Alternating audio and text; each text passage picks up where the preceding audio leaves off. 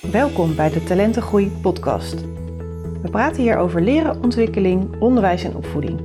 Mijn naam is Karen Dijkstra en in deze podcast ga ik in gesprek met auteurs, coaches en andere experts die anders denken en doen als kinderen leerproblemen hebben op school. En hierbij kijken naar kwaliteiten en talenten in plaats van tekorten. Positief en praktisch. Met deze podcast krijg je inspiratie, nieuwe inzichten en tips, zodat jij een kind vanuit talent kan helpen groeien. In deze aflevering spreek ik met Suzanne Buis over droomdenkers. Suzanne is oprichter van het Droomdenkers Talentcentrum en werkt graag met en voor kinderen, jongeren en ouders die willen leren ontspannen om te gaan met hoogbegaafdheid, hoogsensitiviteit en beelddenken, thuis en op school. Je zult horen dat Suzanne een zeer ondernemende en veelzijdige vrouw is. Zo is ze onder andere schrijver van meer dan 100 boeken, waaronder De Droomdenker. Een boek dat helpt bij het beseffen dat anders prima is en dat het logisch is dat niet iedereen dat altijd begrijpt. We hebben het onder andere over hoe zij deze kinderen helpt om tot leren te komen, waarom het belangrijk is dat kinderen zichzelf op jonge leeftijd leren kennen en over de zoektocht van ouders die vaak dapper de adviezen die ze hebben gekregen proberen vol te houden, maar merken dat het niet werkt. Liever helpt Suzanne om de gebruiksaanwijzing van deze creatief denkende kinderen te ontdekken. En wil zij ouders en scholen aanmoedigen open te staan voor de ideeën van deze kinderen, zodat zij meer eigenaarschap kunnen ontwikkelen en droomdenkers weer beter in hun vel zitten, ontspannen tot bloei komen en hun talenten kunnen inzetten. Welkom uh, Suzanne Buis in uh, de Talentengroei podcast. Dankjewel. Leuk dat je er bent. Um, voor de luisteraars die jou nog niet kennen, zou jij jezelf kort willen introduceren?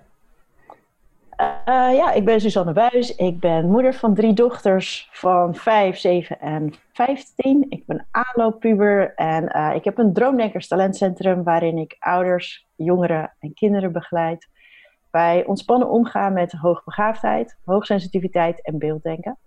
En die drie termen bij elkaar, die noem ik uh, droomdenken omdat ik dacht van nou, het is toffer als je een soort heldennaam hebt. Dan dat het voelt alsof er allemaal labeltjes aan je wapperen. Mm Dus uh, ja, ik vind het leuk om met droomdenkers te werken. En daarom schrijf ik ervoor. Ik spreek erover. En uh, ik help met coaching en trainingen. Ja, want ja, zo ben jij op mijn pad gekomen. Dat ik het boek De Droomdenker tegenkwam. Ja, leuk. En die gaat over Wouter. En Wouter ja. is dus een droomdenker. Ja. Um, en het is een wat ander boekje dan andere boeken over, nou ja, hoogbegaafdheid, hoogsensitiviteit, wildenken, wat je net al vertelde. Um, waarom heb je dat op die manier gedaan?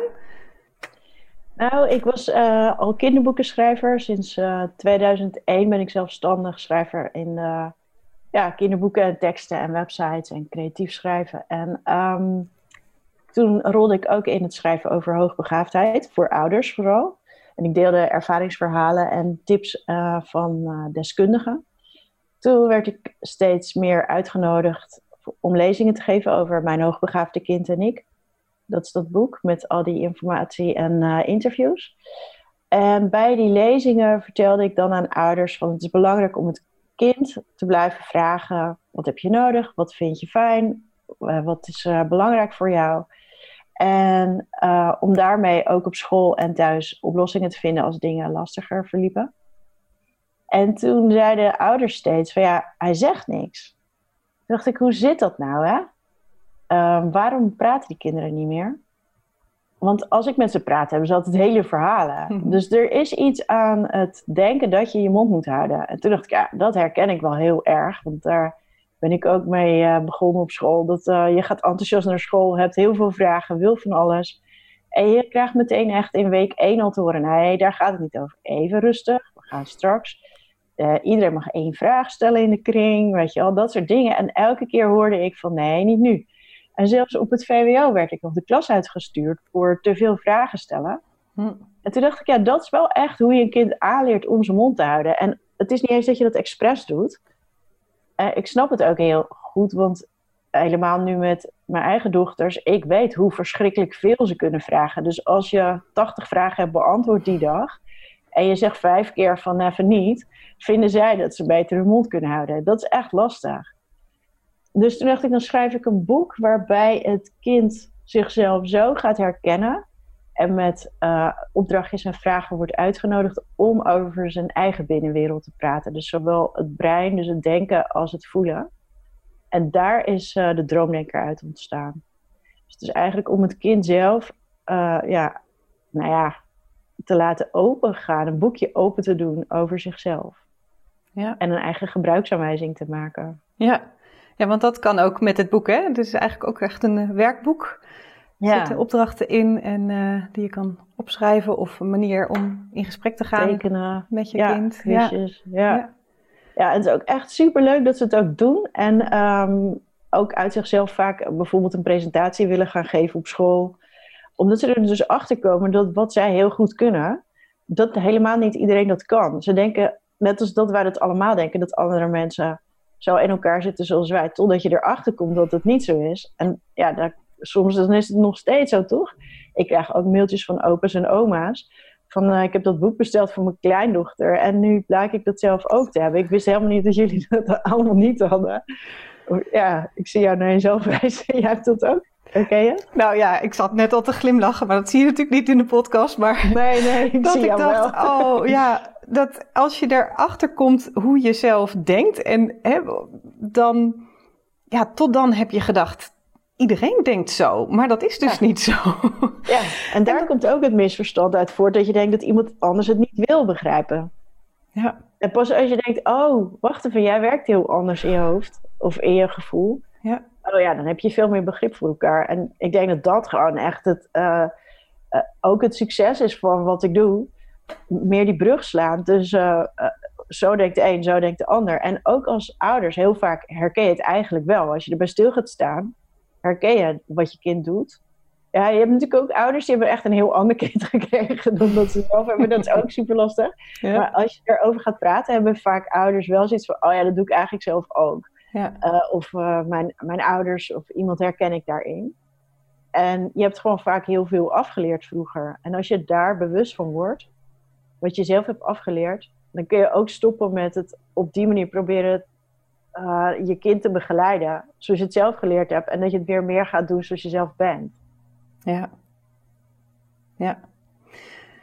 Mooi. En, um, en je vertelde net al even over je eigen school. Um, het is een talentcentrum, het is geen school.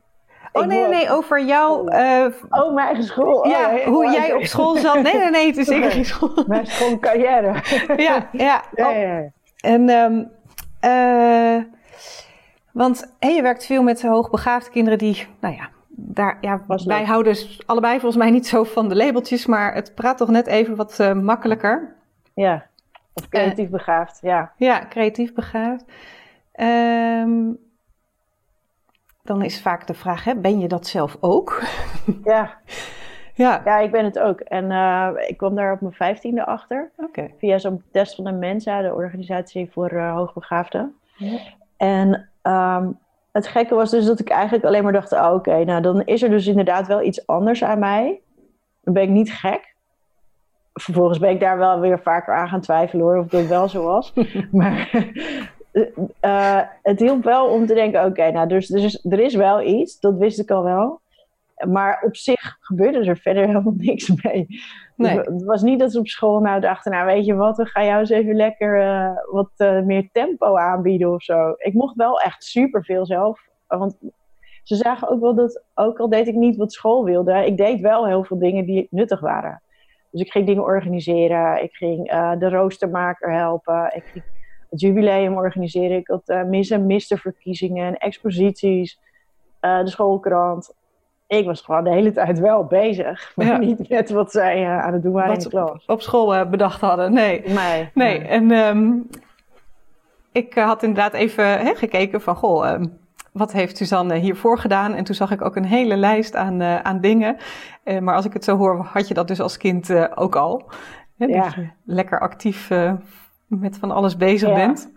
Ja, en ook omdat ik denk ik gewoon uh, overal zo van, van uh, harte en enthousiast inga, dat ik echt vaak na drie maanden er al achter ben. Oké, dit is dus alles wat je hier kan doen. Ook aan, uh, bijvoorbeeld met werk. Dat ik echt superveel banen heb gehad.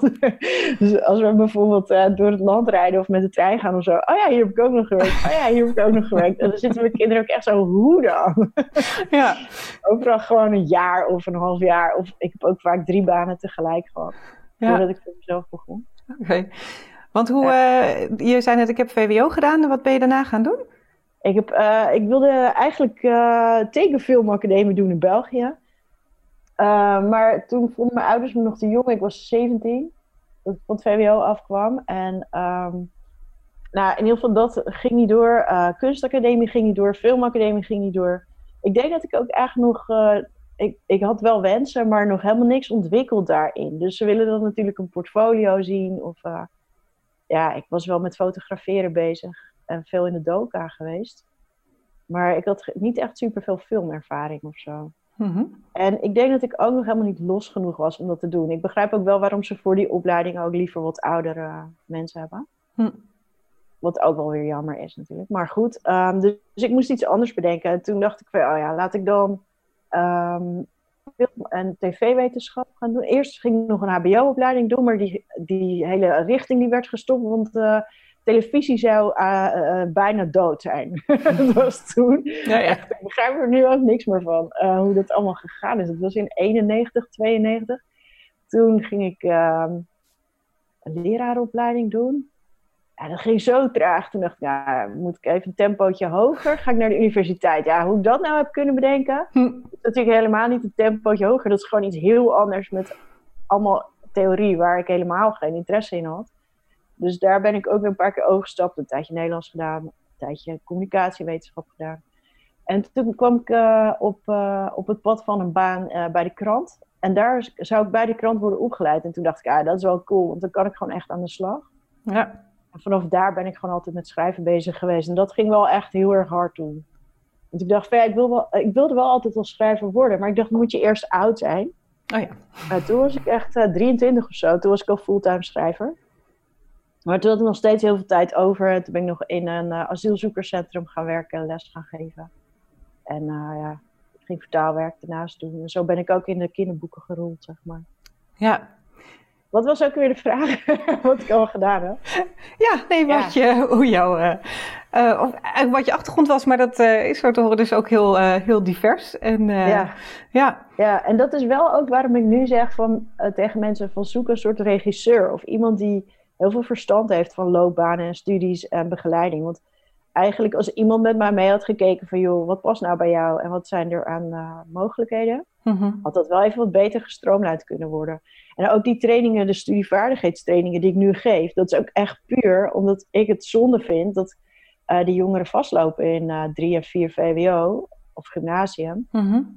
Ehm, en dan eigenlijk of nog later op het HBO of misschien niet eens gaan studeren of bij het studeren vastlopen omdat ze niet weten hoe ze een studie aan moeten pakken. Dat vind ik echt super jammer. Dus dat, ja, ik geef één keer per maand of zo zo'n training aan uh, jongeren die dan uh, leren van ja, hoe moet je dat dan eigenlijk gaan doen? Want eigenlijk, meeste, de meeste kinderen leren dat al op de basisschool en in de brugklas. Mm Maar omdat ze dan nog totaal niet nodig hebben, komt die informatie gewoon helemaal niet binnen bij deze kinderen. Dus ze leren het niet aan, ze hebben het niet nodig.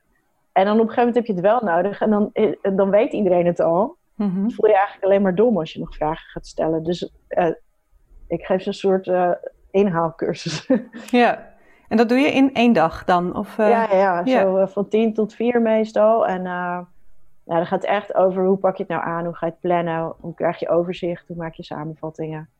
Maar ook, daar zit ook echt wel een stukje in van hoe denk je nou zelf. Dus ik doe een aantal testjes met ze van taaldenken en beelddenken. En dan zie je ook de, de, verschillen onderling in de groep. Dat is ook echt heel fijn dat ze dat zien bij elkaar. Mm En ook komt er soms uit dat iemand waar je bijvoorbeeld bij een verschil van vijf punten dus het een en het ander kom je in de problemen op school, zeg maar. Ja. Met wat er wordt aangeboden. En sommigen hebben gewoon een verschil van 21 punten op een schaal van 30.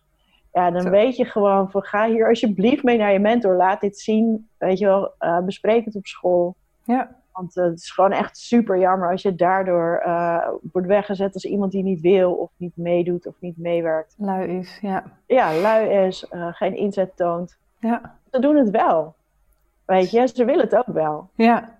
Alleen ze weten niet hoe en ja. daar help je ze dan bij. En um, je geeft aan van hè, ga hiermee naar je, naar je mentor. Wat vertellen zij dan, zeg maar? Wat geven zij dan aan hun school door, zeg maar? Ja, ik weet natuurlijk niet wat ze uiteindelijk vertellen, maar meestal spreken we wel af van oké, jij gaat laten weten dat je hier geweest bent, want dat maakt al indruk dat je op je vrije dag en vaak, het is meestal op zaterdag of zondag uh, of in de vakanties. Ja. Je bent op een vrije dag, zelfstandig, vrijwillig, soms wel enigszins geduwd door ouders. Echt letterlijk naar binnen van hier heb je mijn puber. Mhm. Ze komen ook vanuit het hele land. Dus die kinderen hebben gewoon twee uur in de auto gezeten en komen dan bij mij dat doen. Nou, als je dat zegt tegen iemand op school, een leerkracht of een mentor, dan zie je ze van ja, je wil eigenlijk wel dat het beter gaat, weet je wel. En dat helpt al. Als je dan ook nog die testjes laat zien van kijk, dit kwam er bij mij uit.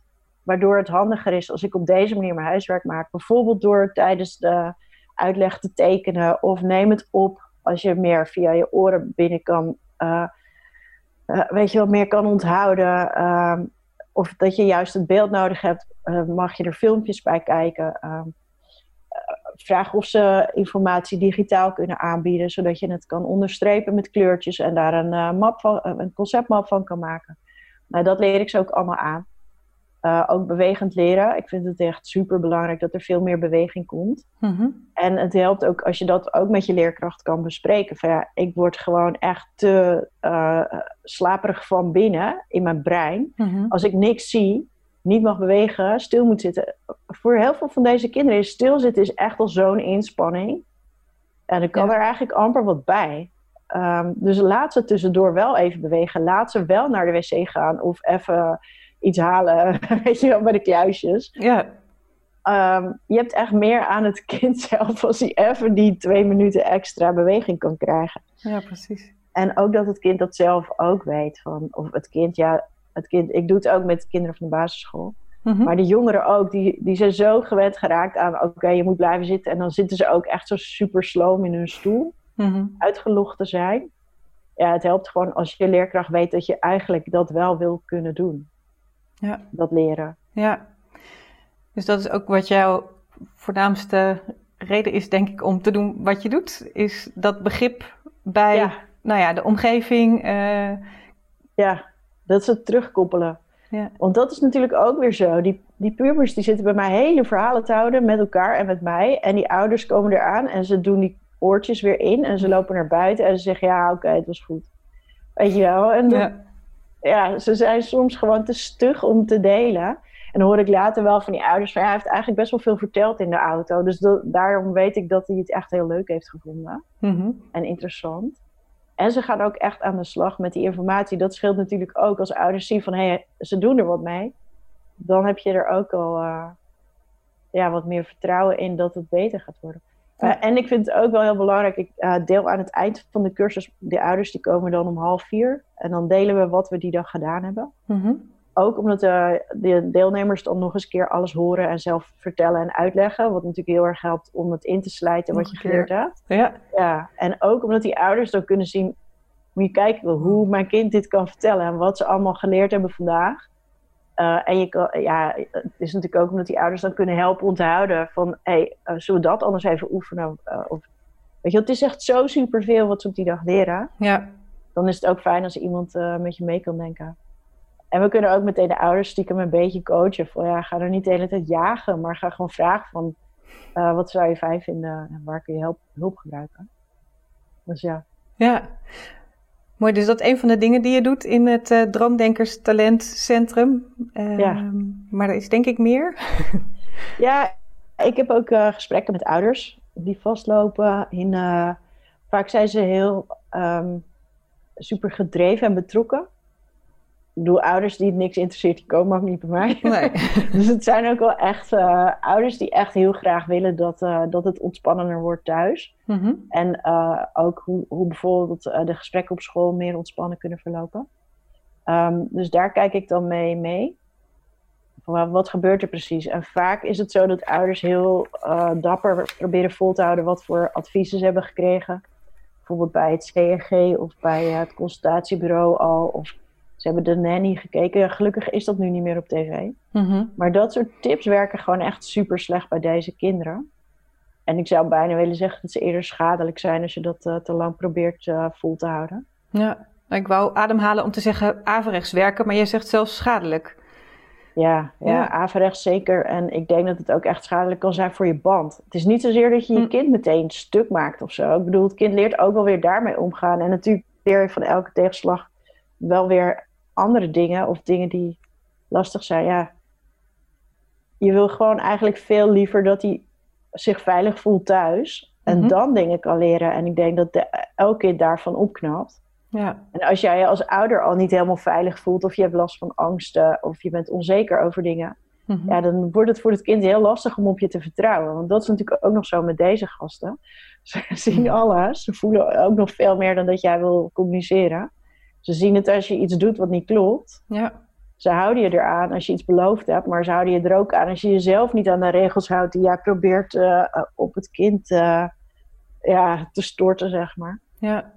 Ehm, ze zijn vaak super kritisch. Die van mij, eh, die, die kunnen ook echt al dingen zeggen. Maar ze hebben ook bijvoorbeeld helemaal niet, ehm, waar, waar veel ouders last van hebben, die bijvoorbeeld heel streng zelf zijn opgevoed. Deze kinderen hebben helemaal geen gevoel van, oké, ik ben klein, dus ik moet naar jou luisteren. Nee, dat autoriteits... Ja, nee, dat hebben ze gewoon niet. nee. En dat moet je ze dan aanleren. Maar eh, ja, ga je dat ze opleggen of ga je ze uitleggen dat het toch wel handig is dat je in sommige situaties gewoon echt even moet doen wat die ander zegt. Mhm. Ehm, dat je daar zelf ook meer aan hebt, dan, dan zijn ze alweer veel meer bereid om daarop te letten. Ja. En je moet dus ook wel veel durven loslaten als ouder. En ik denk dat daarin is het gewoon goed om een gesprek te hebben met een externe, zoals bij mij of bij een collega.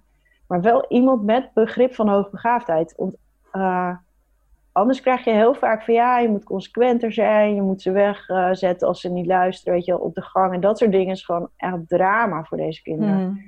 Ze- En ik denk eigenlijk voor alle kinderen is het niet goed om ze weg te, weg te stoppen. ja. Ehm, ja, in sommige gevallen is het goed als ze even afkoelen, dat snap ik wel. Maar weet je, bespreek dat met je kind. En, en als die inderdaad daar ook eh, het nut van inziet, dan gaat het helpen. Als het kind zich alleen maar onveiliger voelt en keihard gaat schreeuwen of nog harder gaat huilen, dan gaat het niet helpen, zeg maar. Dan ben je gewoon iets aan het, eh, ja, aan het, aan het breken. Ja. Dat vind ik echt super jammer. En als dat dan komt omdat je als ouder ergens bang voor bent. Wat heel begrijpelijk is, hè? ik heb daar geen oordeel over. Ik denk alleen wel, het, het is voor elke ouder, en dat zie ik dus bij mij ook, die ouders die komen, zijn zo vaak echt eerst geschokt en eh, emotioneel of ontroerd. Oh ja, inderdaad, dat doe ik. Hm. En daarna zijn ze zo opgelucht dat ze het doorhebben Mhm. dat ja, het is niet een kwartje dat valt. Het is echt gewoon een ton die De valt. jackpot zeg maar. die valt. Ja.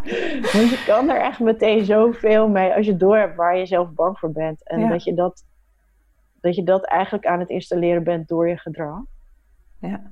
En dat is misschien een beetje, dat gaat misschien een beetje te ver om het zo eh, allemaal uit te leggen. Maar laat ik een voorbeeld noemen. Als eh, een moeder steeds heel streng is met een zoon die naar school moet van haar. Terwijl ze ook wel ziet, ja, hij is gewoon ellendig. En ik weet niet hoe ik het op school nog moet uitleggen. En ik ben zo verdrietig over hem. Maar ik lever hem er toch elke keer weer af. Maar op een dag gaat het natuurlijk ophouden. Dat kan niet meer zo. En mijn man die is heel streng tegen hem. En ik weet dat het niet handig is, want straks dan vertrouwt hij ons niet meer. Je wel, zo'n ouder is vaak al echt heel ver in dat denkproces ook. Mhm. En, eh, en toen kwamen we er dus achter dat zij eigenlijk heel bang was omdat haar broer ehm, ja, verloren is geraakt. Hoe moet je dat zeggen? Uiteindelijk was hij helemaal vervreemd van de familie. Niemand wist meer echt hoe het ging. Ehm, niets in het leven kwam eruit zoals hij eh, dat hoopte. En die vrouw was daar zo mee bezig, eigenlijk in haar achterhoofd. Die is opgegroeid met een grote broer waar al die aandacht naartoe ging. Elke keer die ouders naar school. Hm. Die vader die steeds strenger werd. Weet je wel, ze ziet het nu herhaald worden in haar gezin. Maar pas als je daarover gaat hebben van hoe was het dan vroeger? Hoe Mhm. deden je ouders? En op een gegeven moment komt dan die broer ter sprake. Ja, dan is het echt alsof de gordijnen open gaan Mhm. en er licht op komt. En ja, dan is het ook vaak wel echt verdriet van zo'n kind, die ouder die vroeger dan kind was en die dat allemaal gezien heeft. Ja, die probeert dat nu met alle macht te, uit alle macht te voorkomen en toch gebeurt het dan. Ja. Dus als je daar dan over kan hebben van ja, oké, hoe zou je dingen dan anders kunnen doen, zodat het meer voelt waar jij achter zou staan. Mhm. En dat jij je als ouder ook uh, zekerder voelt. Dat je doet wat, wat goed is voor jouw kind. Uh, ja, dan, dan kunnen ze ook echt daarin heel veel andere beslissingen nemen. Dan gaat het super hard. Dat ja. kind merkt dat meteen als je thuis komt. Dat is heel bijzonder. Mooi. Dat kan ik ook niet elke dag doen. Want uh, ik, ik loop daar zelf ook wel dan ja, nog een tijdje mee rond, zeg maar. Dat, ik leer er ook heel veel van. Maar ja, ik moet echt wel die vraag stellen. Heel vaak komt het ook zo in mijn hoofd. Gewoon omdat je het aanvoelt aan iets. Of je hebt een blik gezien bij die ander. Of je ziet, en dat is ook. Eh, ik, ik vertelde jou net voor het gesprek dat ik uh, net weer opleiding heb gedaan op het gebied van reflexen. Het gaat ook heel erg over kijk naar het kind. Maar dat kan je natuurlijk met ouders ook doen. Je kan zien wanneer die trekt hij zijn schouders op. Wanneer kijkt hij naar de, de andere kant. Wanneer gaat hij achterover zitten. Mhm. En dat deed ik dus eigenlijk altijd wel. En het is echt super fijn om, om steeds meer daarover te leren. Van dit is er dan aan de hand. Ja. En dat kan je ook meteen weer integreren in de dingen die je al doet. kinderen natuurlijk. Ja, ja, ja. want uh, wat ik ook nog doe, uh, ik heb ook nog droomdenkersgroepen. Uh, en die zijn een beetje ingedeeld op leeftijd. Maar dat heeft natuurlijk meer te maken met in welke, welke fase van ontwikkeling zitten ze. Mm -hmm. Je hebt ook kinderen van negen, die zitten in drie gymnasium, die komen ook bij mij. En die zitten dan tussen van die lange gasten van 16. maar dat gaat eigenlijk prima, want ze zijn met hetzelfde bezig op school. Ja. Maar goed, ja, je moet er toch iets van een, uh, een jaar aan hangen, zeg maar. Ja. En uh, met die kinderen ben ik dus eigenlijk vooral bezig met psycho-educatie, wat ze natuurlijk zelf niet hoeven te weten. Maar ik leer ze dingen over zichzelf mm -hmm. uh, te herkennen en te begrijpen. En ja, dus ja, ik weet niet, het lijkt altijd gewoon net of wat spelen zijn. maar ja. het is heel leerzaam. Vanochtend zei ik dat ook nog tegen iemand. Ik zeg, hè, kinderen als ze jong zijn, dan leren ze alles door te spelen. En op een gegeven moment gaan, hè, moeten we op school en dan moet het allemaal uh, zitten en boekjes. En, en stilzitten, dit, ja. ja. en als je even fast forward... Uh, in trainingen van uh, in het bedrijfsleven, daar, wat gaan we daar doen? Ja, daar gaan we spel vormen om ja. dingen te leren. We gaan naar de hei en naar waar, de rennen. waar gaat het mis? Ja. Ja. ja. Ja, en uh, dus ik hoor je, hè, je werkt veel met ouders en heel veel dingen worden natuurlijk uiteindelijk ook weer doorgegeven op scholen. En werk je ook specifiek met, met scholen of met leerkrachten? Of, ja, ik ben wel inzetbaar voor ja, zeg maar presentaties en lezingen. Mm -hmm. Maar ik zit niet op scholen met beleidvoering of dat soort dingen te veranderen. Nee. Ik vind ook dat daar mensen beter in zijn die meer ervaring hebben in het onderwijs en ook positievere ervaringen dan ik. Mhm. Ik zit toch al snel te denken van ja, dat werkt toch niet, snap je toch wel, weet je wel. Dan ben ik echt een beetje te ongeduldig. Yeah. En dan beginnen ze over, we hebben geen tijd. En dan denk ik, ja, ik kan daar niet zoveel mee. Ik ben daarin nog niet heel erg uh, goed geduldig gemaakt, zeg maar. Nee. dan denk ik, ja, we hebben geen tijd. Je hebt, toch, je hebt er toch meer aan als dit goed werkt. Dan hou je echt super veel tijd over met dit kind. Maar ja. simpel gedacht misschien, ik weet niet. Um, dus daarin ben ik niet de beste, maar ik kan wel vertellen over wat is het dan precies en hoe herken je het. Ja. Uh, omdat ik dat dus wel een tijdje veel aan het doen was, ook in het land, bij schoolbesturen vooral. Die mm -hmm. Geven dat dan weer door en dan gaan ze trainingen volgen en zo. Maar daarvoor heb ik nu ook uh, mijn online cursus hoogbegaafdheid gemaakt. Dat ik niet elke keer zelf okay. hetzelfde verhaal sta te vertellen. Oké. Okay. Daarin zit zeg maar heel compact in tien lessen, videolessen met vier e-books. Um, die informatie die ik normaal in lezingen deel en in, uh, in coaching. Mm -hmm. Dus uh, ja, dat is wel echt lekker dat ik dat nu heb. Dat ja. mensen dat op hun gemak zelf kunnen kijken. Ook met hun partner in hun eigen omgeving. Dat is nu natuurlijk allemaal al een stuk makkelijker geworden. Dat mensen ook meer gewend zijn geraakt. Ja. En uh, je kan die laatste vijf lessen kan je ook samen met je kind kijken. Waardoor je dus kan bespreken, goh, wat zij daar zegt, wat Suzanne daar zegt, heb jij dat ook? Mm -hmm. weet je? Of wat vind je daarvan? Of zou je ook willen dat wij dat gaan doen? Um, en dat is dus eigenlijk ook wel lekker, dat je een derde persoon erbij hebt zitten. Dat je niet zelf hoeft te zeggen, nou, ik heb hier in dit boek gelezen, mm -hmm. dat, we gaan als volgt. En ja. dan zegt ja, wat weet dat boek nou? Maar omdat ze dan mij hebben gezien en ze horen het mij zeggen, kunnen ze ook zeggen, nou, vind ik helemaal niet wat die mevrouw vindt. Mm -hmm. Je hebt niet meteen ruzie met je moeder. Ja. Ja, dat is best wel lekker. Dat ja, precies. uh, ja, ook weer een bruggetje kan zijn daarin. Ja. Vind ik ook leuk. Oh, mooi. En die is dus, uh, die online training is gemaakt voor ouders en kind, zeg maar. En, Ja, maar ook ja, eigenlijk als leerkrachten die willen bekijken, dat zou ook kunnen. Ja, maar het gaat dus wel vooral over het sociale aspect. Dus eh, niet zozeer van hoe zit hoogbegaafdheid in elkaar en eh, eh, alle theorie erachter. Mhm. Maar meer van hoe gaat het dan in je gezin? Wat hoort daar nog meer bij? Ehm, als hij boos wordt, wat kun je nou beter doen? Eh, weet je wel, ehm, het, is, het is ook voorkomen van problemen heel veel. Ja. Waardoor deze cursus gewoon super nuttig is. Eh, ja, daarom noem ik het ook wel eens basiskennis. Mhm. Ehm, je voorkomt bijvoorbeeld ook de heel erg moeilijkere gedachten die die kinderen kunnen krijgen, waarvan je als ouder ja, gewoon dat je zelf van slag raakt door Mhm. de vragen die je kind stelt. En ik vind het heel belangrijk om dat wel eh, bespreekbaar te maken. Want daar zijn gewoon echt heel veel misverstanden over ook. En als je zo'n kind bij eh, reguliere gezondheidszorg gaat brengen en ze zeggen ja, hij is depressief, Mhm. of eh, hij praat niet meer. Nou, misschien moeten we eens kijken voor autisme. Of hij is super druk en zet zich af. Nou, dan zal hij wel ADHD hebben. Ja, Mhm. daar ben ik gewoon echt... eh, kan ik heel fel van worden ook. Van, hé, wacht eens even. Ga eerst dit eens kijken. Ja. Ehm, want dit zijn namelijk ook gewoon krachten die die kinderen hebben. Eh, op het moment dat een kind nog protesteert, is het eigenlijk nog in orde. Mhm. Protesteren gaat afleren. Ja, wat gaat er dan met het kind gebeuren? Ja. Het is niet dat hij al die dingen niet meer voelt en ervaart en denkt en ziet. Ja, als hij echt helemaal uitgaat, ja, dan heb je helemaal een probleem. En eh, ja, hoe beter je dat kan voorkomen en hoe eerder, ehm, ja, hoe beter het voor iedereen is, denk ik. Ja. Ja. Want hoe. ehm, ik heb ook wel vaker eh, eh, meegemaakt hè, dat, dat hoogbegaafdheid, zeg maar. ehm, wel genoemd wordt, maar dat ouders denken: ja, nee, ja. Omdat schoolresultaten helemaal niet daarop wijzen, of dat ze denken: van, oh, nou. Hè, want wat is Ja. hoogbegaafdheid niet? Wat is het wel? Hoe, hoe kunnen ouders daarachter komen? En vind je het nodig om eh, alle kinderen te testen of, of juist niet? Ja, daar zijn natuurlijk wel verschillende invalshoeken en het ligt ook heel erg aan de situatie. Dus ik zou niet eh, kunnen zeggen van dit is voor iedereen beter. Maar het is sowieso wel goed, denk ik, om die kenmerken te bekijken. Eh, en ook, ik heb ook zo'n filmpje op YouTube van eh, misverstanden over hoogbegaafdheid. Mhm. Omdat ook heel veel hoogbegaafden herkennen zichzelf niet eens in het woord hoogbegaafdheid, maar wel in alle kenmerken. Dus ga nou kijken, wat betekent het nou? Het betekent namelijk helemaal niet dat je alles heel snel begrijpt. En eh, zeker de uit, uitzonderlijk hoogbegaafden, ehm, die denken juist super vaak, ik begrijp er helemaal niks van. Hoezo is iedereen het hiermee eens? Ik zie nog, dus nog steeds dat probleem.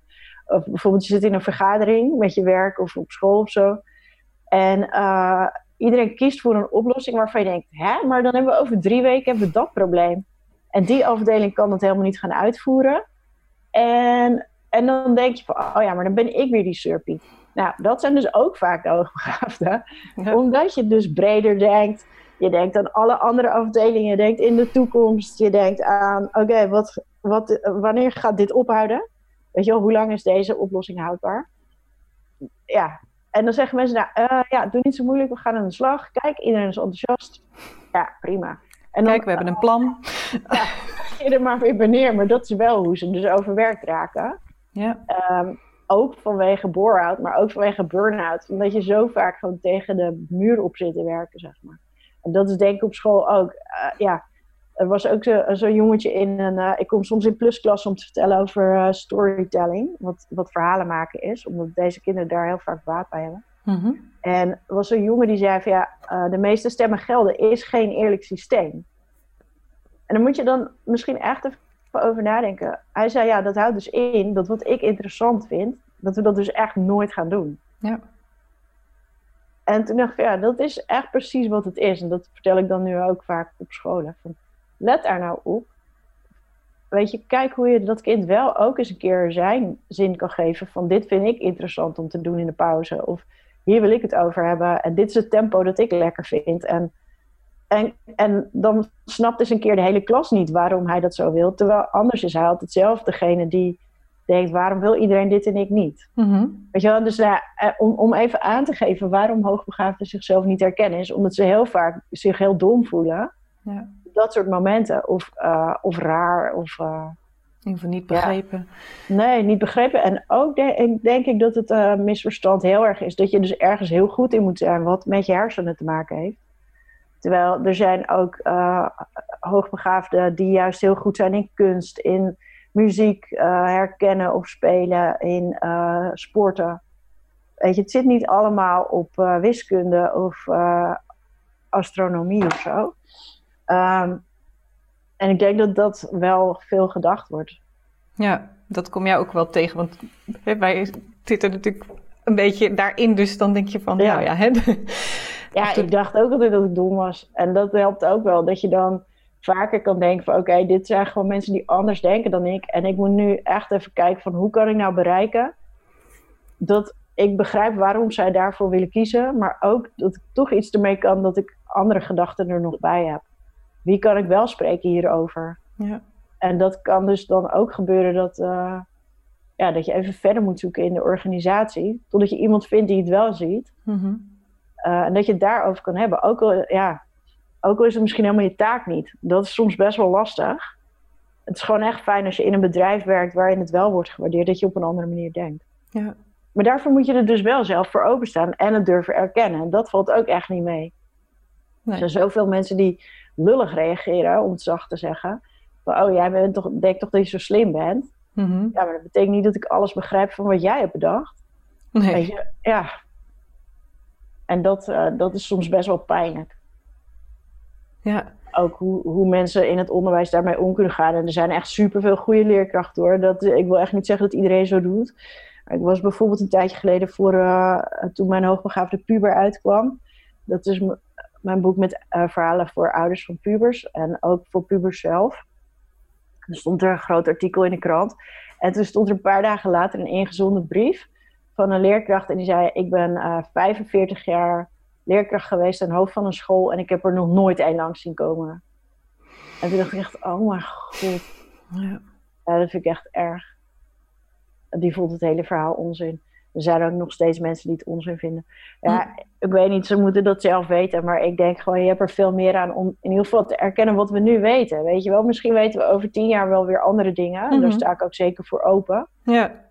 Maar als er nu uit MRI-scans komt dat uh, de vetlaag om de hersenen er al anders uitziet bij kinderen met een IQ van boven de 145, mhm. ja, waarom zouden we dan gaan doen dat het niet zo is? Ja bedoel, blijkbaar is, zit er gewoon zelfs fysiek. Uh, ja, sommige mensen zijn daar vatbaarder voor. Mm Erken dat dan maar, alsjeblieft. Ja. Weet je wel? Ja. Maar ja, ik ben er niet per se voor om uh, te testen. Ik denk als je met deze kenmerken je kind herkent en je gaat kijken van helpt het om gesprekken te voeren hierover uh, als ouders en kijk hoe je het kind daarin anders kan begeleiden. Uh, informeer je over de mogelijkheden en over hoe het in andere gezinnen beter is gegaan. Mm Geef het kind de ruimte om met andere hoogbegaafden te sparren. Voelt hij zich misschien wel veel meer op zijn gemak in zo'n groep bij een HB-centrum of uh, eh, HB-gaaf. Of weet je, er zijn heel veel uh, uh, clubjes en speelmiddagen. Ze noemen dat peers-contact. Nou ja, mhm. zorg dat ze peers leren kennen, ontwikkelingsgelijken.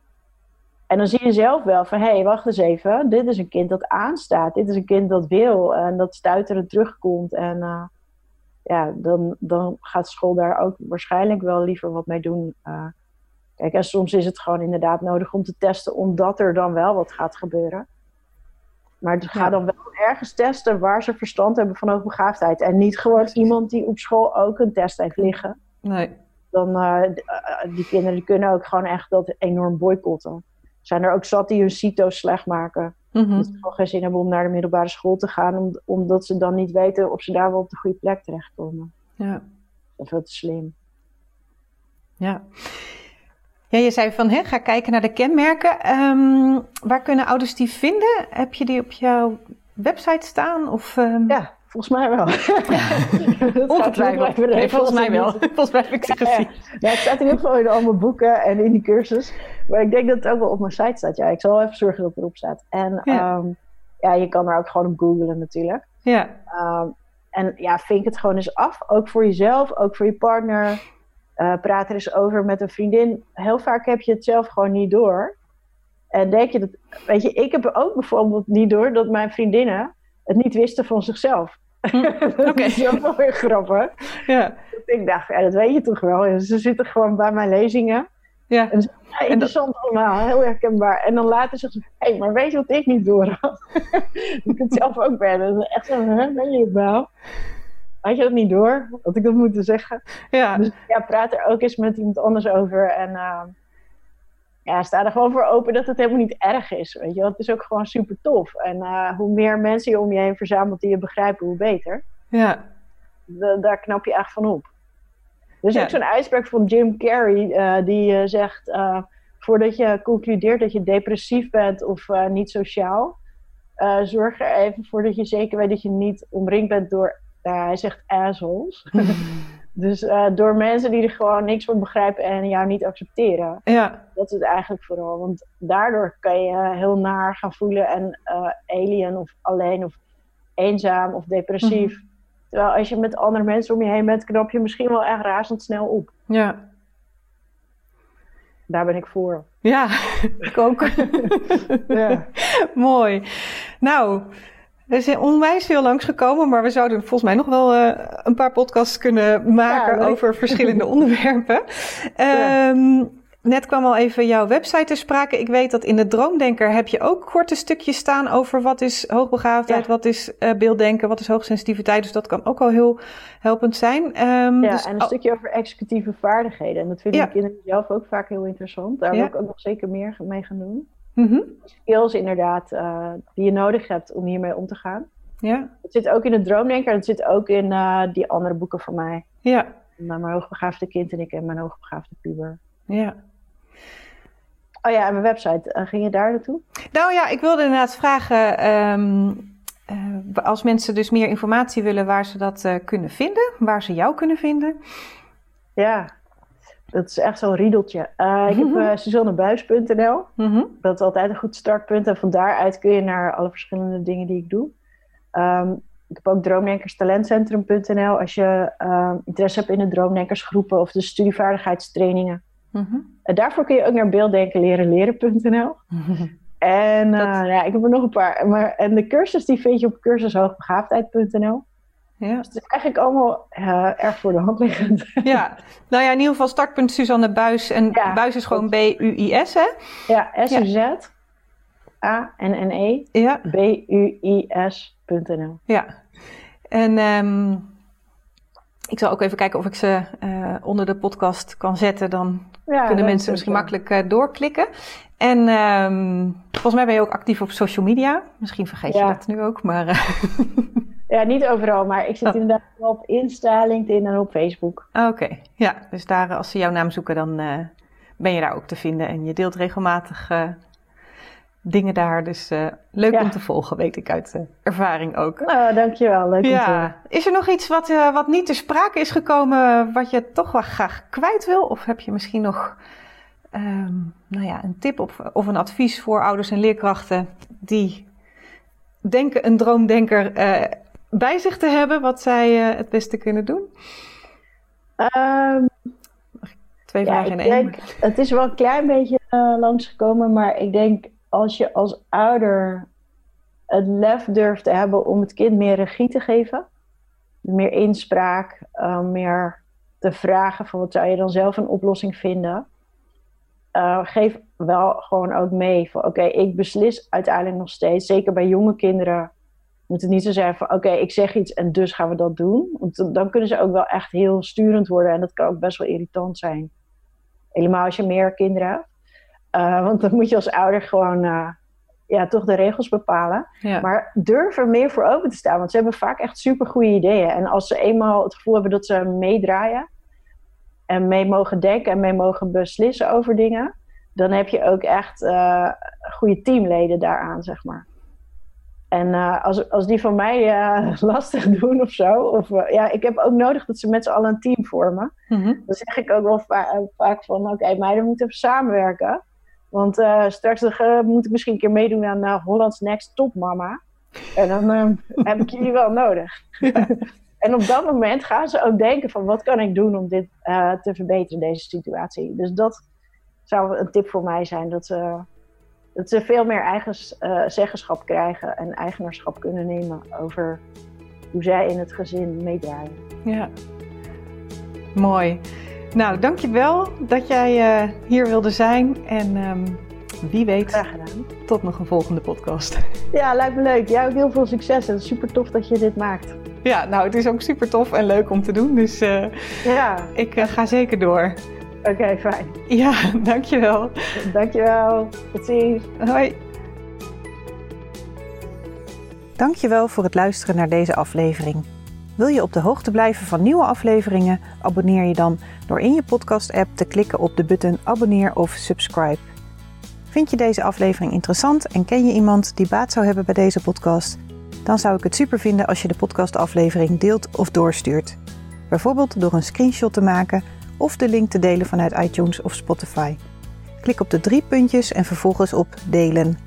Zo help jij andere ouders of collega's in het onderwijs en daarmee nog meer kinderen bij wie leren niet vanzelf gaat. Dankjewel als je dat wil doen.